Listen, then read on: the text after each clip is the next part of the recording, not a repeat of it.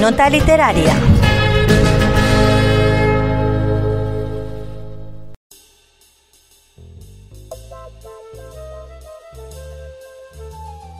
Feliz año y bienvenidos a la reseña literaria de la Tegua Radio. Este año empezaremos la sección conociendo un poco más a la denominada Reina del Crimen, conocida mundialmente por sus más de 66 novelas. Fue también una gran escritora de teatro y de cuentos cortos. Ha vendido más de mil millones de copias y creó la novela detectivesca inglesa moderna.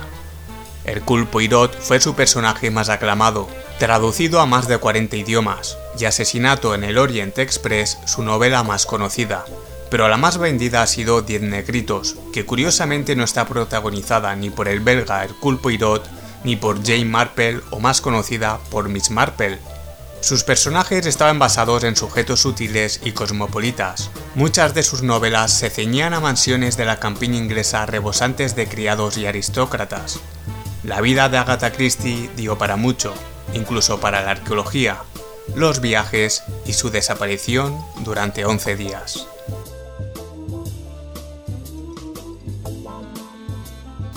Ella dijo que ser una mujer casada era su primera profesión y escribir libros la segunda. Fue una mujer ambiciosa, llena de orgullo, excéntrica, moderna, alejada del morbo de la muerte y suscitada por un género literario lleno de vida y pasión al cual se entregaba.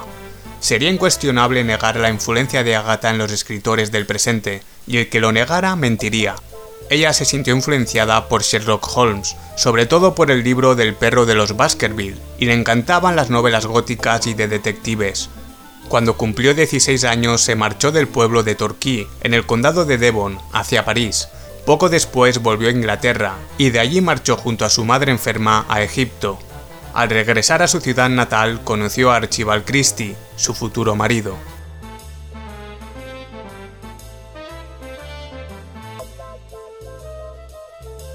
Agatha Christie trabajó como enfermera en el hospital de Torquay. De aquí sacó material para escribir El misterioso caso de Styles, escrito en 1920, influenciado por un caso de asesinato vivido en dicho hospital por envenenamiento. La estricnina, una planta alcaloide que produce la contracción de los músculos torácicos y que está prohibida su cultivo en toda Europa, fue la primera arma del crimen usada por Agatha.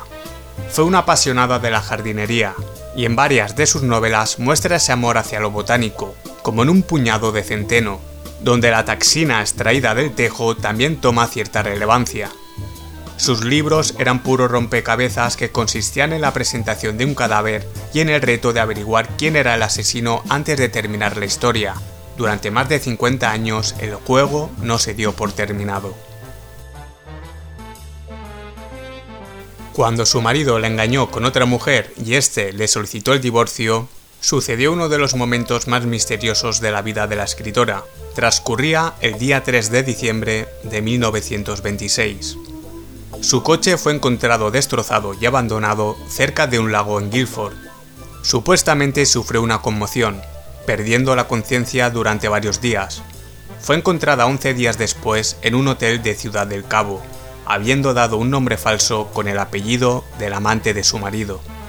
Esto llevó a pensar que la escapada fue una especie de locura transitoria o que intentaba culpar al amante de su asesinato, aunque de ello Agatha nunca quiso volver a hablar de un tema que parecía una auténtica novela.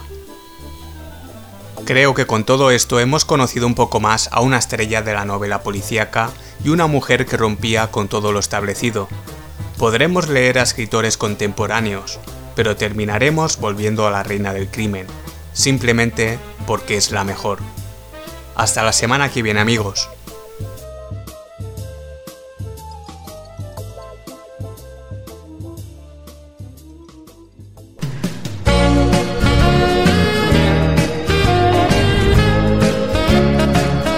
Nota literaria.